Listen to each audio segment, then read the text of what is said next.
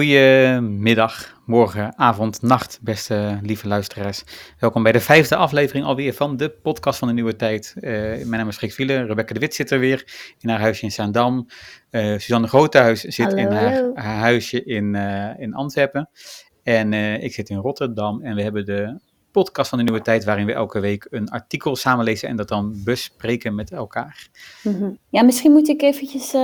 eh, ik was dus aan het nadenken, want ik heb steeds geen bijdragers, omdat ik dus eh, niet echt tijd vind om artikelen te lezen. Maar gisteravond wou Francis niet slapen en toen was ik om twee uur s'nachts een verhaaltje aan het voorlezen aan haar uit het boek eh, Bij Uil Thuis. Toen dacht ik, hé, dit is eigenlijk wel geschikt, dus misschien moet ik dat eerst even lezen. Oké, Oké. door wie is het geschreven? Wat zeg je? Door wie is het geschreven? Het is geschreven door Arnold Lobel. En het verhaaltje heet Tranenthee. Oké, komt-ie. Uil pakte de ketel uit de kast. Vanavond ga ik tranenthee zetten, zei hij. Hij zette de ketel op zijn schoot. Zo, zei Uil, ik ga beginnen. Uil bleef heel stil zitten en hij begon aan heel verdrietige dingen te denken. Stoelen met kapotte poten, zei Uil. Zijn ogen werden al een beetje nat.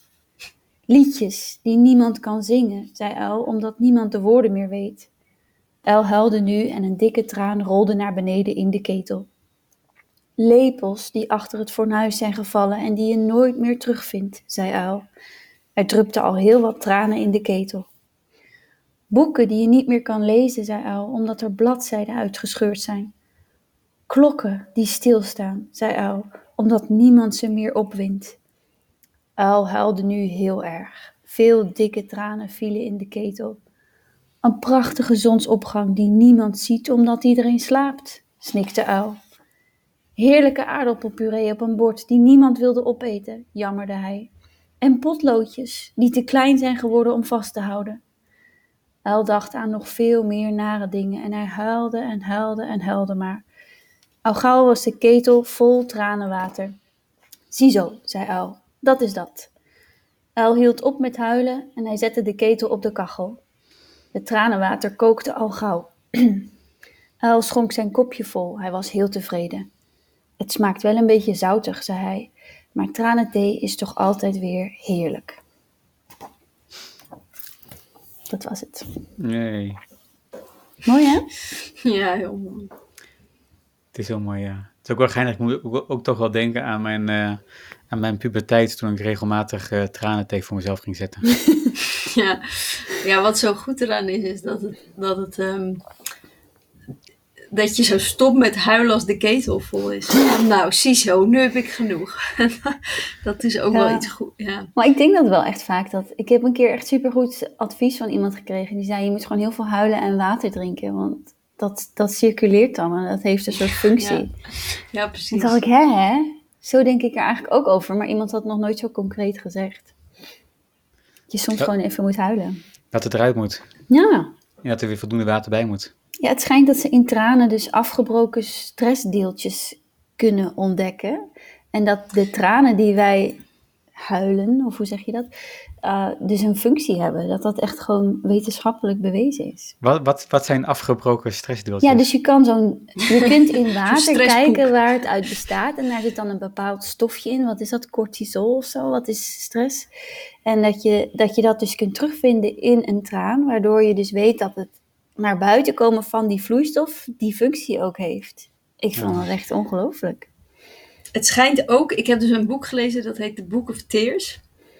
En dat gaat, dus dat zijn allemaal een soort snippets. Een vrouw die, een kunstenares die onderzoek heeft gedaan naar, naar huilen, naar tranen. En dat, dat dus tranen van verdriet een totaal andere samenstelling hebben dan bijvoorbeeld tranen als je een ui snijdt. Of, ehm, ja, ongelooflijk hè? ja, En, dat, is, ehm, dat, dat bewijst dat dus inderdaad. Dat het gevoel mee in, in, In de traan in de zit. handeling zit. maar hebben ja. ze dan die tranen, mensen gevraagd om hun tranen op te, ja, te vragen? Waarschijnlijk, ja.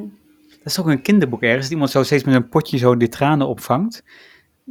Toen me zo denken aan een beeld van iemand die dat dan in Ik ken alleen dit verhaal van Uil. Maar dit werd mij vroeger voorgelezen door mijn moeder. Dus echt zo helemaal Ik kende het echt nog, ook al heb je het dan zeg maar Ja, ja, ik ken het ook, 32 ja. jaar niet meer gelezen. Sowieso vind ik het echt geinig. Dat ik, ik heb nu deze week eh, toch een aflevering van Klasse gekeken, die, die documentaire. Oh, ja. en, ehm, en dat gaat over, dus over eh, eh, ze volgen scholieren, volgen ze. En een van de ehm, scholieren die ze volgden was een, was een groepje het laatste jaar aan de, aan de lagere school. En, en het waren en allemaal zeg maar jongetjes. En er kwam een, een hele stoere politieagent en een hele stoere crimineel. Kwamen vertellen over de verkeerde keuzes die zij nu kunnen gaan maken straks. Van, eh, eh, als ze op naar de hogere school gaan. Dus dan eh, van oké, oké eh, Ahmed, wat, wat, gaat, wat ga je doen als ze zeggen kom mee naar de winkel? Want kom mee naar de winkel, wat zeg je dan? Nee meneer. Ja, heel goed, heel goed. Maar, durf, maar dan zeggen ze ja, helemaal een soort rollenspellen. Er waren hele stoere kerels. En eh, het vond het zo leuk, want uiteindelijk moesten best wel wat jongetjes huilen, want ze kwamen ook met persoonlijke vragen.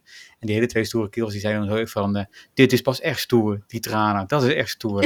Jullie, jullie zijn zoveel stoerder dan ik ook ben geweest, want ik durfde mezelf niet, ik durfde me niet eh, te laten kennen.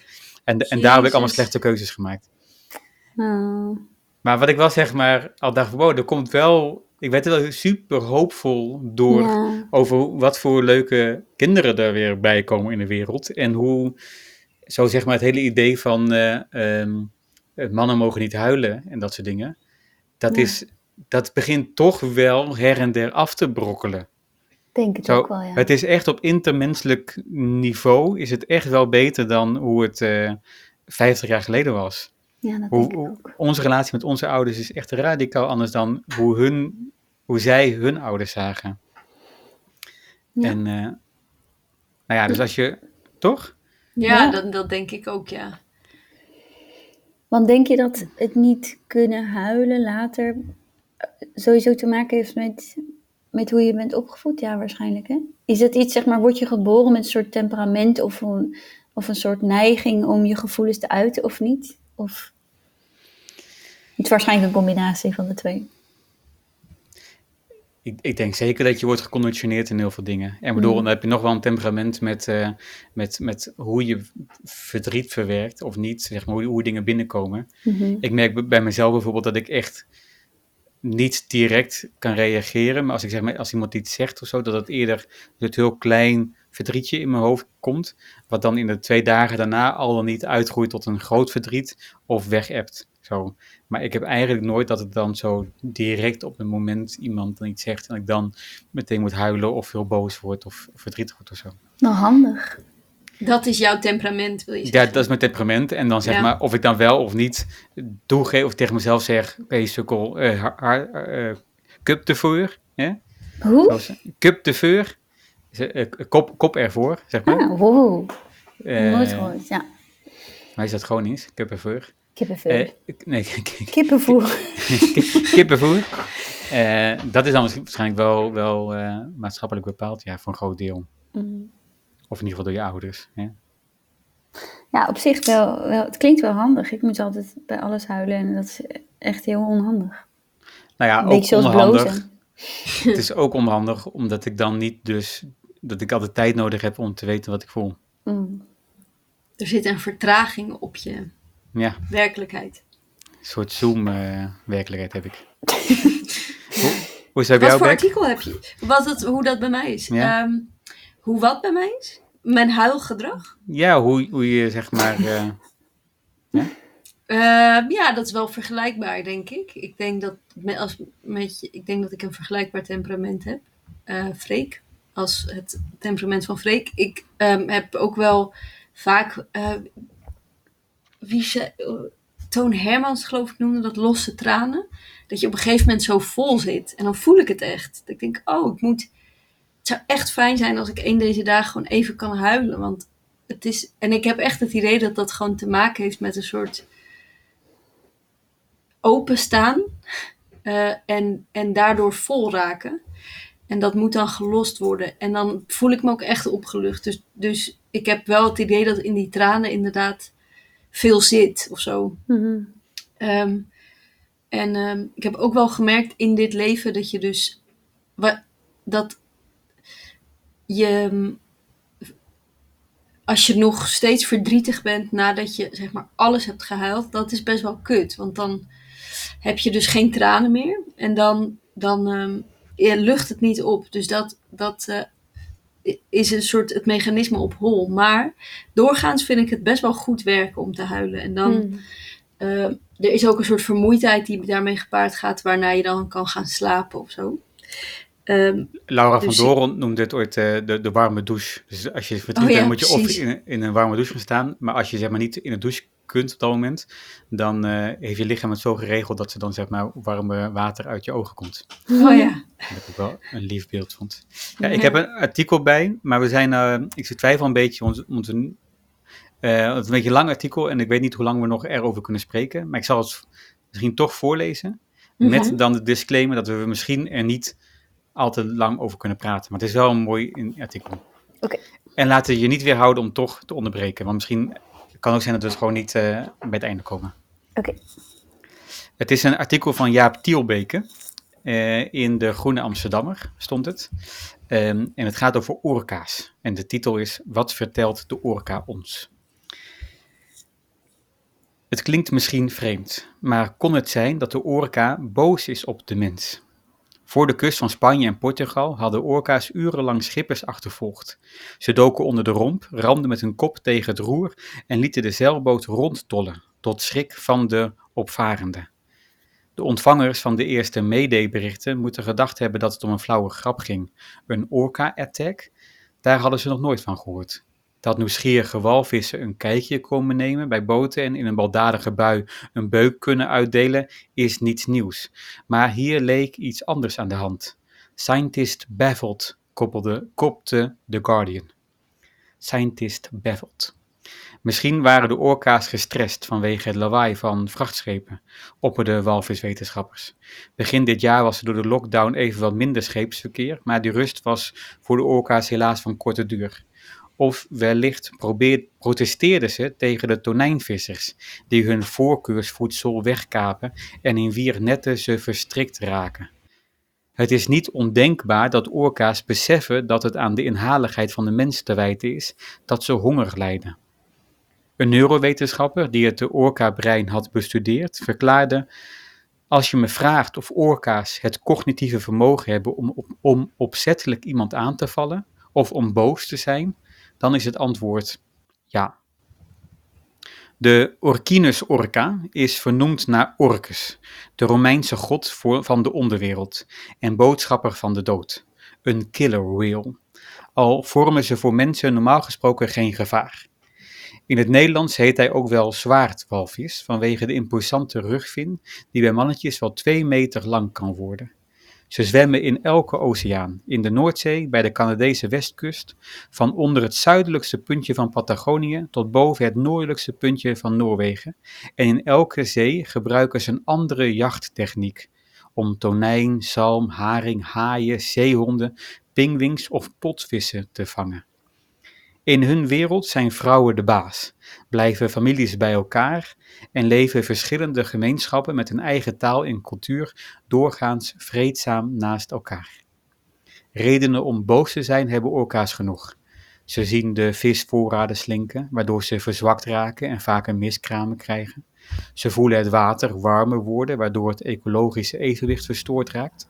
En omdat ze zich aan de top van de maritieme voedselpiramide bevinden, hopen giftige chemicalen die ooit werden gebruikt in verf en gloeilampen zich op in hun lichaam, waardoor ze onvruchtbaar raken. De orca-populatie in de straat van Gibraltar is volgens biologen vrijwel gedoemd te verdwijnen. Ineens klinkt die ogenschijnlijke onwetenschappelijke gedachte zo vreemd niet meer. Waren deze orka-aanvallen een noodkreet? Misschien zelfs een wraakactie? Op tweejarige leeftijd werd de orka, die later wereldfaam zou vergaren als Tilikum, uit het water getakeld voor de kust van IJsland. Met bommen en netten hadden visserschepen de walvissen in een ondiepe baai gedreven en terwijl bonkige zeelieden de jonge orka's op een drager bonden, maakten hun moeders hartverscheurende geluiden. Een van de mannen begon te huilen, maar hij stopte niet met werken. Dertig jaar later vindt hij, nog steeds, vindt hij het nog steeds het ergste wat hij ooit heeft gedaan. vertelt hij in de documentaire Blackfish uit 2013. De orka werd gekocht door een zeezoogdierenpark in Canada, waar hij zijn artiestennaam kreeg. Tilikum kwam terecht in een betonnen bak met soortgenoten die hij niet kon verstaan omdat ze een andere taal spraken en die hem aanvielen. Omdat walvissen die in zee 160 kilometer op een dag kunnen zwemmen, gevangen zaten in een aquarium dat kleiner is dan een voetbalveld. Na een incident waarbij een trainer om het leven kwam, verhuisde Tilikum in 1992 naar een SeaWorld Park in Florida. Zijn rugvin was toen al gebogen. Bij de rondleidingen zeiden de dolfinariumgidsen dat dat normaal was voor een mannetjesorka, maar in het wild komt zoiets nauwelijks voor. Ze vertelden bezoekers dat orka's zo'n 25 jaar oud worden, maar in de open oceaan leven ze meer dan twee keer zo lang. De trainers vonden Tilly nieuwsgierig en vrolijk. Ze dachten dat de orka blij was om hen ochtends te zien, al wisten ze niet dat dat, of dat nou kwam doordat hij eenzaam en hongerig was of omdat hij hen aardig vond. Ze maakten zichzelf wijs dat ze de orka kenden, dat ze een speciale band hadden opgebouwd. Ze drukten hun neus tegen die van Tilikum, haakten hun handen achter zijn vin en plantten hun voeten op zijn snuit om zich omhoog te laten duwen in het water. Ter beloning wierpen ze een vis in zijn bek. Als de s'avonds het publiek verdwenen was en de lichten uitgingen, bleef Tilikum achter in het bassin. Op een woensdagmiddag, begin 2010, voerde Tilikum een show op die hij al zo vaak had opgevoerd, dat hij de trucjes, salto's, buikschuivers, pirouettes onderhand wel kon dromen. Maar deze keer had Tilly een fluitje gemist en een rondje te veel gezwommen terwijl hij met zijn flipper naar het publiek zwaaide. Voor straf werd hij genegeerd. De orka wist dat de vis bijna op was, omdat hij het ijs op de bodem van de emmer kon horen rammelen. Net als altijd was het ter afsluiting van de sessie een rustmoment waarbij de trainer naast de walvis komt liggen om hun, om hun band te versterken. Daar ging het mis. Geschrokken toeschouwers bedekten de ogen van hun kinderen toen ze zagen hoe Tilikum zijn handen, zijn tanden in de arm van Dawn Cho zette en haar onder water sleurde. In de documentaire zegt een oud collega van de overleden trainer: Het begon misschien als spel of uit frustratie en escaleerde in bijzonder gewelddadig gedrag. Uiteindelijk heeft hij die arme meid volkomen verminkt. Na het fatale voorval vroeg men zich af: was dit een ongelukje? Was het agressie? Was de orka getraumatiseerd door al die jaren in gevangenschap en beet hij nu van zich af? En zo ja, kon je het de orka kwalijk nemen? Voorafgaand aan elke show stelde een SeaWorld trainer de toeschouwers gerust door te bezweren dat de orka's de kunstjes uitvoerden omdat ze het leuk vinden, niet omdat ze gedwongen werden. Maar stiekem wisten ze wel beter. De film die de grootste invloed heeft gehad op mijn kinderjaren was zonder twijfel Free Willy. Ik kreeg de videoband van mijn moeder als goedmakertje voor haar soloreis naar Australië, waar ze tot mijn jaloezie echte walvis had gezien. Bij thuiskomst liet ze de foto zien waarop ik in de verte een paar staartvinden kon ontwaren. Ik kon me alleen maar inbeelden hoe magisch het geweest moest zijn om in de nabijheid van zulke zeereuzen te verkeren. Als ik later groot was, zou ik dolfijnentrainer worden. In het dolfinarium Harderwijk keek ik vol ontzag toe hoe de mannen en vrouwen met elegante armbewegingen de zeedieren dirigeerden. Ik bewoog mijn vinger over het glas van de bassins en was verrukt als een dolfijn oogcontact met me maakte. Helemaal gefascineerd raakte ik door de grootste dolfijnsoort op aarde. Willy combineerde de vrolijke speelsheid van Flipper met de vervaarlijke kracht van de haai uit Jaws. Op mijn slaapkamerwand verscheen een muurschildering van twee orka's, moeder en kind. En op school hield ik spreekbeurten over deze ware koningen van de oceaan. Dit is wat mij 25 jaar later nog bijstaat van de Free Willy trilogie. 1. De opstandige Jesse, verlaten door zijn moeder die met een gravity spuitbus het dolfinarium insluipt en terugdeinst wanneer ze de machtige walvis opdoemt achter het glas. 2. De even opstandige Willy, losgerukt van zijn familie, die zich weigert te voegen naar zijn rol als circusdier. 3. De wijsheden van Randolph, de inheemse Amerikaan voor wie orka's een spirituele kracht symboliseren. Vijf, de melancholische melodie uit Jesse's mondharmonica die een snaar raakt bij de orka. Zes, Willy achterop een aanhangwagen, onderweg naar de zee, naar de vrijheid, terwijl Jesse hem nat probeert te houden met een tuinslang. 7. Jesse's tranen wanneer, zij, wanneer zijn vriend eindelijk het ruime sop kan kiezen. 8. De met dennenbos omzoomde baaien, waar de glimmende zwarte rugvinnen van een groep wilde orka's de waterspiegel doorklieven.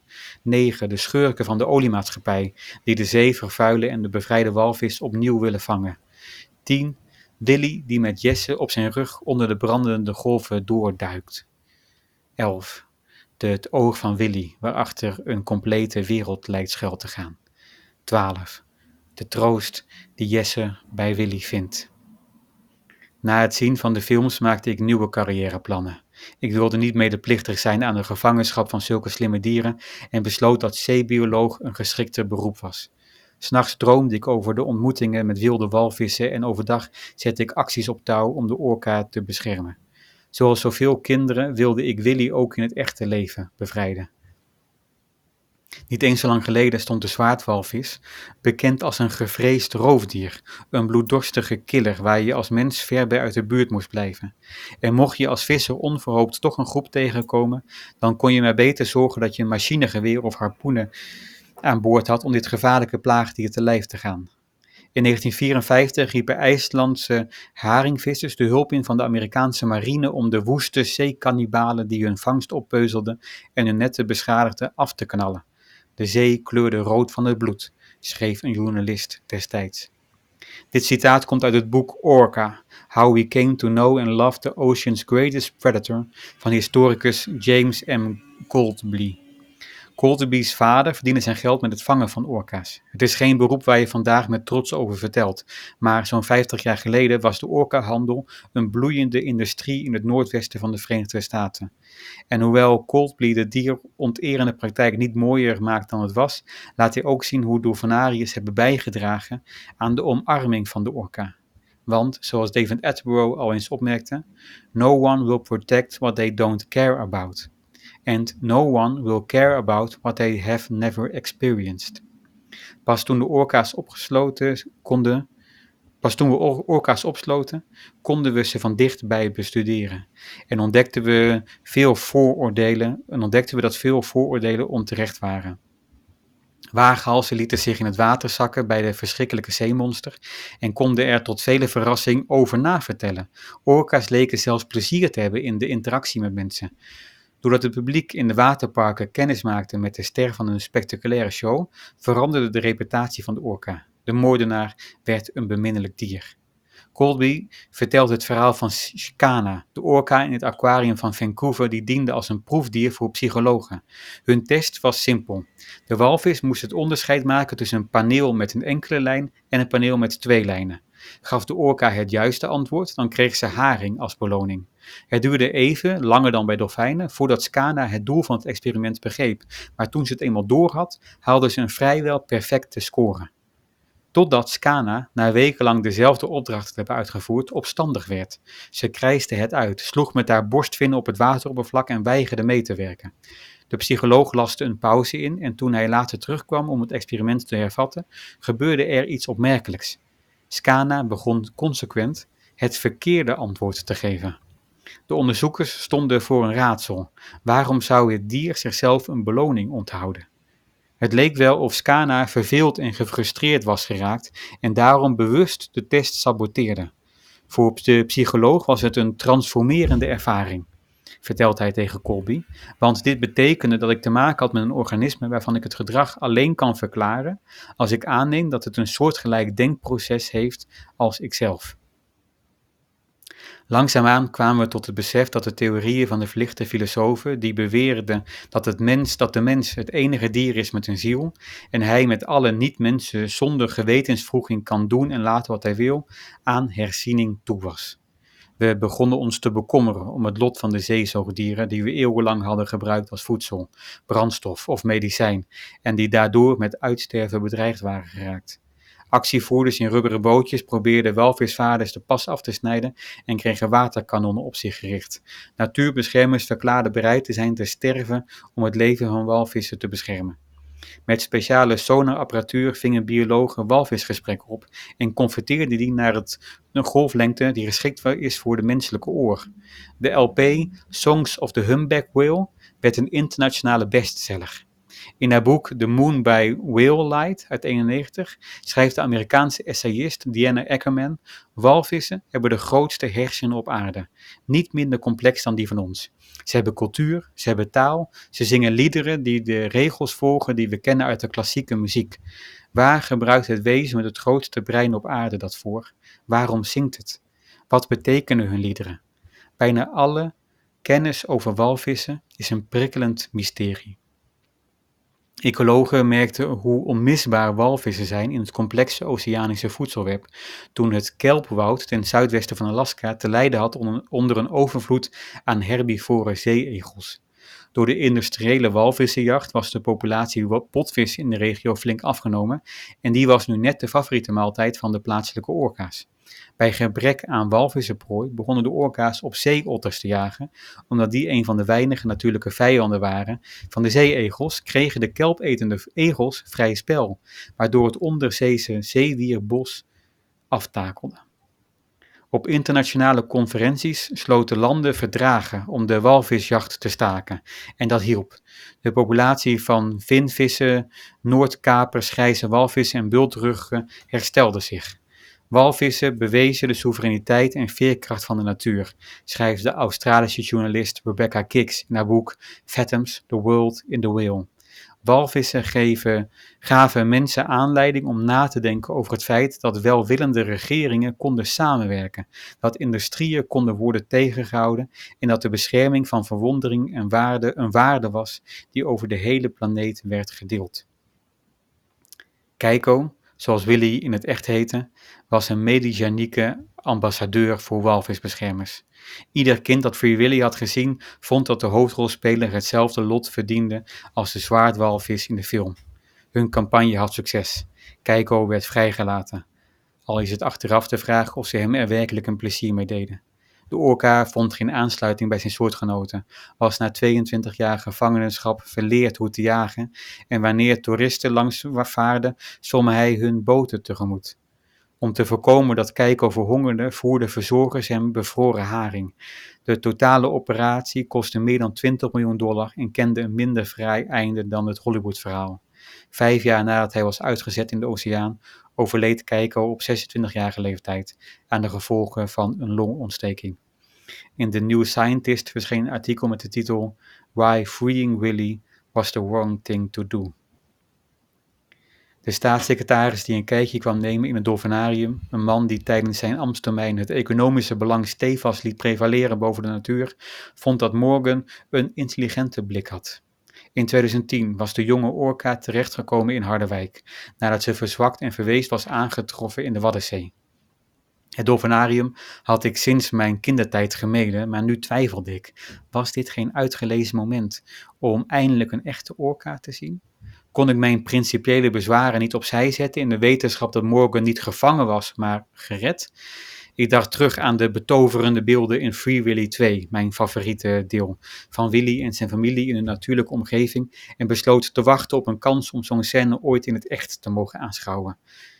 Morgan was niet de eerste orka die ooit in Harderwijk verbleef. In 68 betaalde het dolfinarium 16.000 dollar voor een primeur.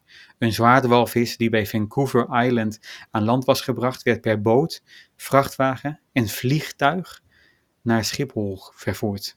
Om na een reis van meer dan 60 uur in totaal te water te worden gelaten als allereerste orka in een Europees aquarium.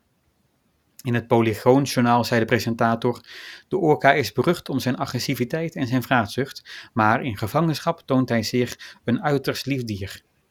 Tula was direct een publieksliefhebber en werd klaargestoomd voor deelname aan de Dolfijnenshow. Maar zo, zover zou het nooit komen. Twee maanden na aankomst in Harderwijk werd Tula dood aangetroffen op de vloer van het bassin. Om Morgan een soortgelijk lot te besparen, moest ze wegblijven uit Nederland. Daarover was iedereen het wel eens. Maar over haar nieuwe bestemming ontspon zich een felle strijd.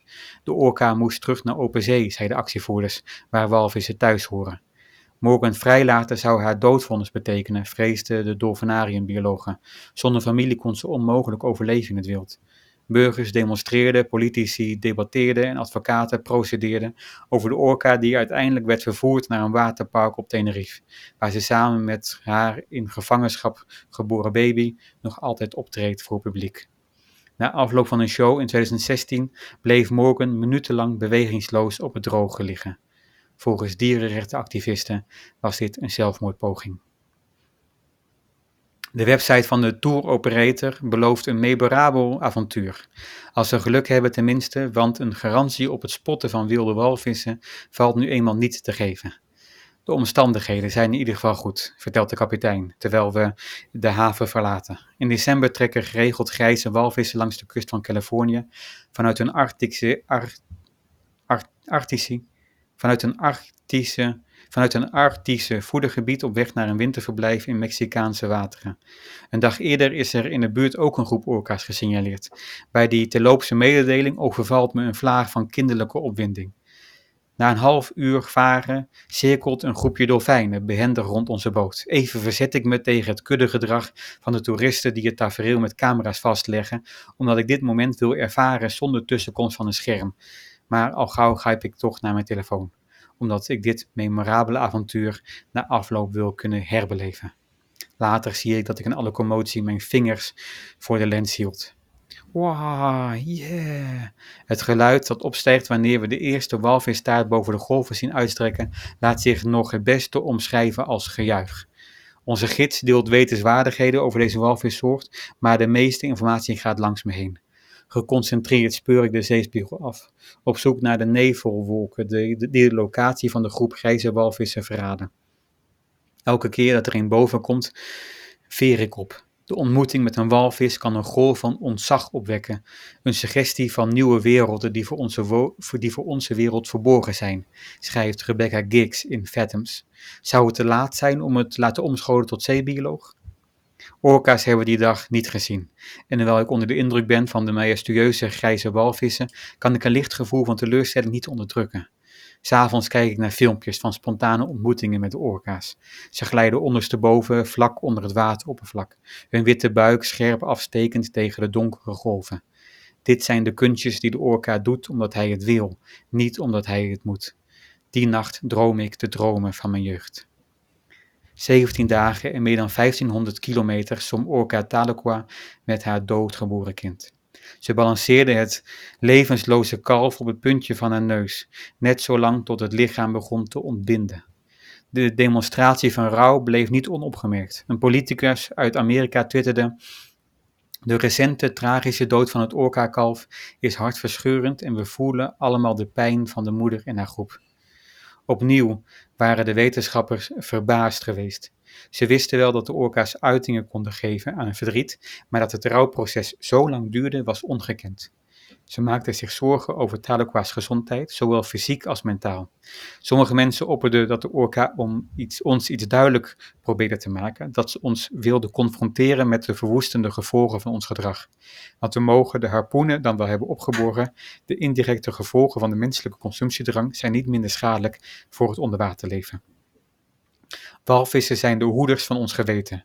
Ze herinneren ons eraan dat de oceanen bedreigd worden, zegt Robert Pagnier, een bioloog die zijn hele leven het nauwe pad bewandelt tussen de walviswereld en de mensenwereld. In Akkermans The Moon by Wall Light, de les die walvissen ons leren, is dat je een complex brein kunt hebben zonder dat het uitmondt in de dood van de planeet. Afgelopen zomer werd bekend dat Tahlequah weer zwanger was en, op een, en opnieuw leefden mensen over de hele wereld mee. Zou het haar na drie miskramen sinds 2010 eindelijk lukken om een nieuw lid toe te voegen aan de orca-familie in de Stille Oceaan?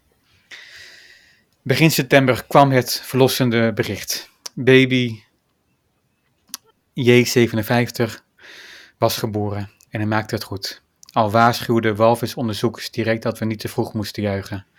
Door een gebrek aan Chinook-zalm, de belangrijkste prooi in de regio, overlijdt ongeveer 40% van de orka-kalfjes voordat ze de volwassenheid bereiken.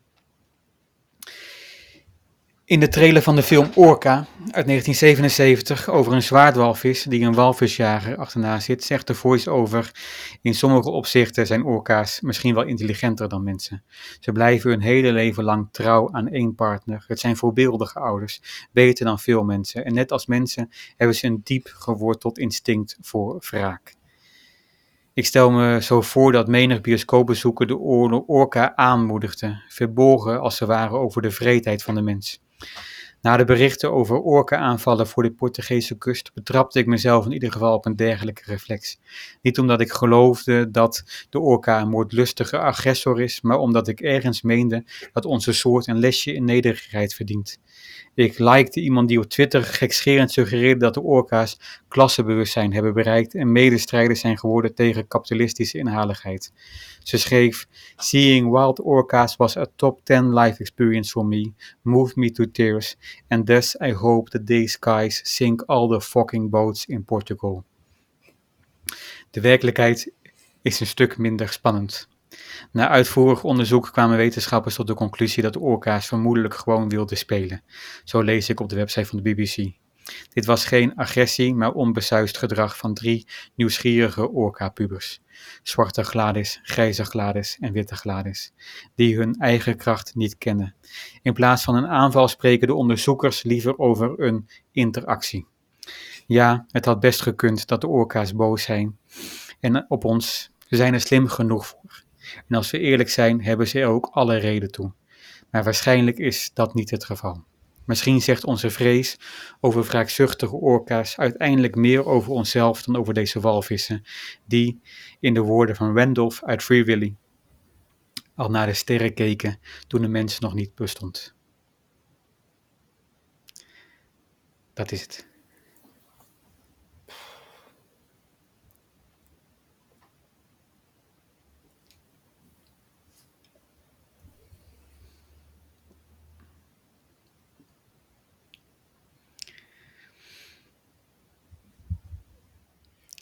Kan wel een potje tranenthee uh, zetten nu. Ja.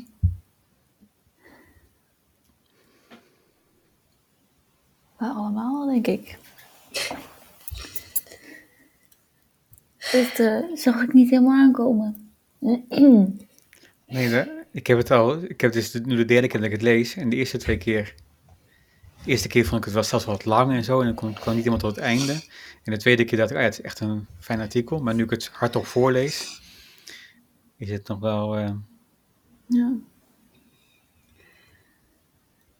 Het is echt diep, diep triest. En... Um, wat is het woord? Upsetting in het Nederlands. Mm.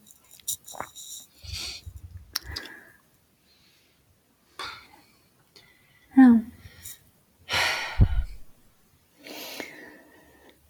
Niet zoveel over te zeggen. Behalve dat het inderdaad nee. goed is voor een potje tranenthee. Wat denk jij, Beck? Ja, het, het, het maakt best wel weer goed duidelijk wat, um, hoeveel ruimte we innemen. En hoe, dat we het gewoon niet doorhebben. Dat we zo'n, zeg maar, blinde vlek hebben voor de rest van de schepping, basically. En dat we onszelf zo tof vinden. Um, en ja, ik moet ook gewoon wel denken aan. Vandaag is zittingsdag van Shell tegen uh, of Milieudefensie tegen Shell. En gist, eergisteren was de, was de uh, derde zittingsdag, vandaag de laatste. En ja, dat, dat Shell gewoon allemaal um, uh, dingen aanhaalt om klimaatverandering te minimaliseren. En het gaat gewoon heel erg over, zeg maar, CO2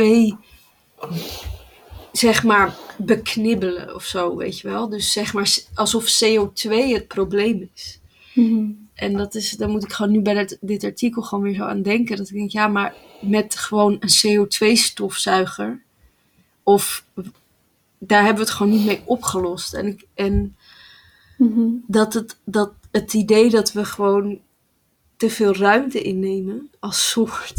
Ik bedoel, dat is natuurlijk, je kunt daar heel defetistisch van worden of zo, omdat je, maar, of zeg maar moedeloos. Ehm, ook omdat het natuurlijk ja, vooral wij in het Westen dat zijn. Dus niet per se dat het nou in onze aard ligt om zoveel ruimte in te nemen. Maar dat, nou ja, daar moet ik gewoon heel erg aan denken. En dat het, Mhm. eh, dat inderdaad, ik weet niet, met al het onderzoek dat er wordt gedaan naar dieren en ecosystemen, is het gewoon toch altijd, oh, oh, het is eigenlijk complexer dan we denken. En dat is gewoon zo, je denkt, ja, tuurlijk. Het is vooral zo de, de, de, de achterlijkheid. Dat je zo dan, dat dan in de verlichting echt de gedachte dat de mens de enige is met die kan nadenken, enige is met een gedachte of met een bewustzijn. En, de, en dat je dus de rest allemaal maar gewoon, dat je daarmee kan doen wat je wil, omdat je toch niks voelen. Dat je denkt- Ongelooflijk, hè? Dat is, dat is van een, van een je Maar snapt is niet, ook- zeg maar, hoe, hoe, hoe onontwikkeld we nog zijn op dat gebied. Ja. Ja, Maar het En- is ook nog maar zo kort geleden dat, Ja. we, dat we. Ik was. Ik, toen ik in eh, Australië was en overal die geschiedenis begon te lezen over die Aboriginals. Dat is echt zeg maar tot de jaren tachtig, zeg maar. Er nog Aboriginals in een soort dierentuinachtige setting. Nou ja, echt waanzinnige dingen. En ik bedoel niet dat, dat ik ehm, de orka's dan minder erg vind dan. Maar het bewijst maar gewoon hoe, hoe, hoe lang het steeds duurt voordat we ergens een geweten rond creëren of zo. yo, ja. Dat vind ik echt hallucinant. Maar dieren ook, jongen, als je zeg maar leest over wat dieren, die dierenexperimenten en zo, dat, dat er ook tot de, de jaren negentig nog steeds werd gedacht dat ehm, dieren, ja, inderdaad, dus, dus ehm, dat experimenten die op dieren werden gedaan heel erg eh, vanuit de mens gedacht. Mhm. Dus ehm, totaal niet. Dus dan moesten olifanten zichzelf in een spiegel herkennen. En dan gingen ze zeg maar de omvang, gingen ze een menselijke spiegel waar een olifant zichzelf niet eens in kon zien. Eh, Ja. Dat soort shit. Ja. Eh, ja, jongen. En, maar het, het is ook raar, want ik. Eh, Blijkbaar, er is dus een. Ik weet niet wanneer dat was, volgens mij begin jaren 2000. Dat ze een experiment hebben gedaan met kapucijnenapen, geloof ik. Of van die makaken in Japan. Waarbij ehm, ze een soort onthouwspelletje moesten doen. En die konden dat fucking goed. Zo cijfers onthouden, cijferreeks. Ja, Beter dan mensen. ja. En toen hebben ze, hebben ze die onderzoekers, die waren er zo van geschrokken, dat ze uit de hele wereld eh, mensen hebben laten invliegen. Zeg maar whiskids tot de max. Zo de, de slimste exemplaren van de Homo sapiens. Om dat spelletje te doen. En die haalden het net, weet je wel, het niveau van de chimpansees. En dan was iedereen soort van opgelucht van, oh, nou, we hoeven onze definities van dat de mens eh, het slimst van iedereen is, Mhm. hoeven we gelukkig niet te herzien. Ehm, dat je denkt, why? Of zo, Mm. hoezo, zeg maar, we, we hebben toch al alles? Hoezo? Ja, in die zin is die film van. ehm, eh, die, die titel Inconvenient Truth blijft zo'n goede Ja, samenvatting voor alles. Het is gewoon de ongemakkelijke waarheid of zo. Waar we niet aan willen. En, Ja. de- en, en, en ook zeg maar nog steeds het, hoe we zeg maar met dieren ook omgaan in de bio-industrie en zo. Hoe we daar maar niet aan willen dat dat zeg maar, Nee, Dat je- klopt. of niet massaal zeg maar zo. Hè? Ik, bedoel, hè, ik bedoel, het is natuurlijk echt, echt wel aan het goede mensen die daar anders naar kijken. Maar ik denk, het woord veestapel, even zeg maar, ja, Mhm. ja, dat vind ik al gewoon, zegt gewoon alles. Ja, ik stel me gewoon gerust met de gedachte. Ik heb de afgelopen anderhalf jaar het boek eh, Onbewoonbare Aarde gelezen, omdat ik wat langer doe over boeken nu dan een paar jaar geleden. Maar ehm, eh, dat was dus nogal wat. En stel me wel echt gerust met de gedachte dat wij hier, onze soort, de mens, er gewoon eventjes gaat zijn. En dat we ook nu onze eigen, eh weet ik veel, ondergang, Ondergang. aan het maken zijn. En daarna kan het hopelijk gewoon weer verder. Het klinkt ik bedoel het echt veel minder extreem dan ik het zeg, maar ik stel me daar, het feit dat er oerbossen zijn na mij stelt mij heel erg gerust. als er nog zijn de oerbossen, toch? Dat is dan zeg maar, Ik- we, we hebben natuurlijk al Ik hoop dat, het, dat we snel genoeg weg zijn dat het zich zal herstellen of zo. Ja, nou ja, het zal zich natuurlijk altijd wel weer een keer herstellen. Zo. Ja, dat Maar het hoop is- ik dan. Het is zo, ik vind het wel ook, maar ja, ik bedoel, ik, ik ben nu Wij zijn 35. er zo kort vergeleken met ja, andere dingen, zoals bomen. Of, Ja, er is nu ook een boek over schimmels, wat ik heel graag wil lezen. Dat zeg maar ook dat daar die veel slimmer en Schimmels complexer zijn zijn. bruut, jongen. Ja. Ja, dus zeg maar, de, dus het was al van dezelfde schrijver als hij het boek had over eh, eh, eh, Octopussen. octopussen, ja. Zeg maar dat dan octopussen ook echt dezelfde evolutie hebben doorgemaakt als wij. Alleen wij hebben zeg maar, een centraal brein en zij hebben zeg maar... Ja. Een, een- een- Ik vind dat schitterend, jongen. Dat, zeg maar, dat de octopus gewoon een afslag, zeg maar, een afslag is van van de mens. ons of wij van de octopus. Ja, ja, ja. Ja, en dat de octopus echt ook waanzinnig slim is en allemaal dingen kan en zo. En, eh, maar ja, als je dan zeg maar dus, als je bomen gaat zien als levende wezens en schimmels en zeg maar het ecosysteem als iets levends gaat zien, dan, dan, dan, dan leef je wel anders op een gegeven moment. Hmm. Of, is het dan, of dan, anders gezegd, dan wordt het leven zoals wij leven moeilijker aan jezelf te verkopen. Zo, nou, Thomas vertelde dat ehm, hij heeft een Maasai geïnterviewd ehm, over hoe zij leven. En dat nu blijkbaar, ehm, of al een tijdje, eh, wordt de Maasai, dus die zijn eh, herders, of die trekken dus met hun koeien ehm, van stukje land naar stukje land. En die worden best wel gemarginaliseerd door om allerlei redenen. Ehm, en hij beschreef Ehm, dus die manier van leven die staat heel erg onder druk. En hij beschreef die Maasai dus hoe, eh, dat zij dus dat er een hongerseizoen is. En dat ze dat hongerseizoen ook aanvaarden. Dus dat ze zelf ook honger hebben. En ook geen, niet iets gaan uitvinden om dat op te lossen. Omdat hij zegt, ja, dat is, dan herst- kan het ecosysteem zich herstellen. Hmm. En dat vond ik zo onwaarschijnlijk, want het hele Nederlandse landbouwsysteem en alle problemen waar we nu in zitten, is gewoon gebaseerd op de aanname nooit meer honger. En nu niet alleen, ik bedoel, ik, ik, wil me, ik wil me niet uitspreken over dat honger per se een goed idee is, maar ik vond dat zo mindblowing dat je honger aanvaardt als onderdeel ehm, Mhm. eh, van het ecosysteem waar je in zit. En dat wij echt zo het omgekeerde doen. Dus echt zo die overproductie en die lands vol spuiten met kunstmest. Ehm, ja. ja, echt waanzinnig vond ik dat. Ik had daar zelfs nog maar bij stilgestaan dat dat een optie was. Nee, maar het is, het, in, in, het is zelfs de andere kant op. Hè? Het, het gevoel dat iedereen van ons zeg maar, recht heeft op vakantie. Recht heeft op zeg maar, Ja. een, een vliegreis. Recht heeft op spulletjes. Als de winkels dichtgaan, dat mensen dan nog snel denken... oeh, ik moet nu snel iets kopen, want anders kan ik vijf weken niks kopen. En dan, en dan niet eens zeg maar, denk ik, ik heb dit nodig, dus gekocht. Maar gewoon, ik moet eventjes nog wel iets kopen voor, eh, voor het dicht gaat, anders heb ik geen cadeautjes te geven. Het is, Ja, ja. Maar ik, ik, ik denk soms, want het is nog helemaal niet zo lang. Hè? Het is echt pas vanaf de jaren tachtig dat zo toch die fast fashion en winkels open en pinautomaten en gewoon dat die economie begon te accelereren. De, ehm, in dat licht denk ik wel eens, ja, wij hebben dat nog meegemaakt of zo, die omslag. Hoe moeilijk kan het zijn om dat dan weer terug te draaien? Want Hmm. ik bedoel, de mensen die, die het hebben geïnstalleerd, die leven nog. Dus die, kunnen, die zouden ook kunnen zeggen, ja, laten we het gewoon niet doen. Nou en ja. gewoon doen zoals... Het is zeg maar dus veel moeilijker, denk ik, om als je een stapje in je comfort omhoog bent gegaan, een stapje weer terug te nemen. Door, dat, dat merk je gewoon aan iedereen die, of aan je eigen leven. Als je op een gegeven moment, ik bedoel, vroeger kon ik in een studentenkamer zitten, kon ik van 700 euro per maand, daar leefde ik van of zo.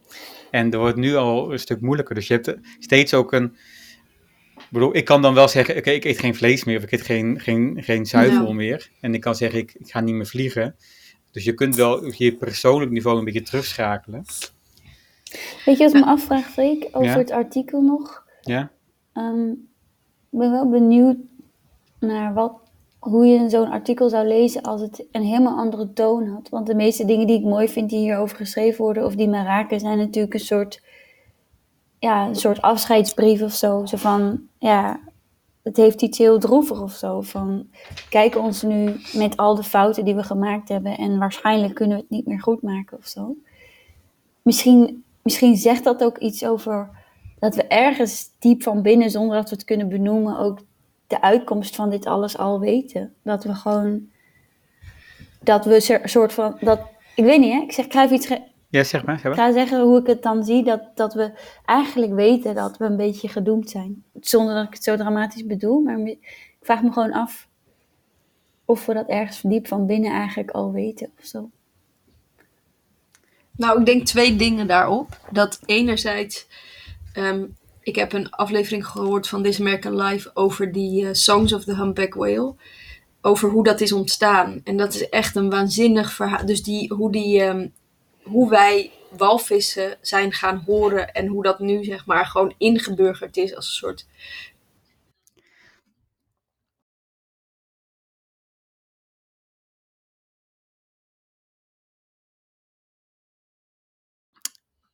Ik krijg nu een melding, eh, beste podcastluisteraar, dat eh, Rebecca computer vol zit. Helemaal vol, vol, vol, waardoor ze haar laatste woorden niet kon zeggen. Maar ze zei het wel tegen ons en ze vertelde over een, eh, eh, de- dat, dat ze een, een documentaire had geluisterd van, ehm, eh, van This American Life over de opname van de walvisgeluiden en hoe moeilijk dat was en hoeveel invloed dat heeft gehad. eh, op de stoppen van de walvisjacht. En dan zegt Mm. Jaap Tielbeek ook, de walvis heeft lange tijd ook een soort symbool gestaan voor hoe, eh, dat we als mens samen kunnen werken om te zorgen dat er dieren niet uit gaan sterven. Mhm. Eh, en dat dat uiteindelijk natuurlijk toch altijd weer hoopvol is, dat, je, dat er wel degelijk ook dingen ehm, veranderd kunnen worden.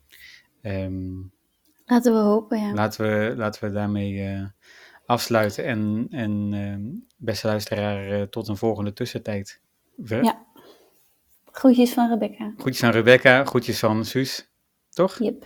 En, Zeker eh, groetjes van mijzelf. en eh, super fijn dat je het geluisterd hebt. En deel het vooral met al je vrienden en kennis en zo. En sterretjes en bla bla bla. Tot de volgende keer. Doei doei. Doei!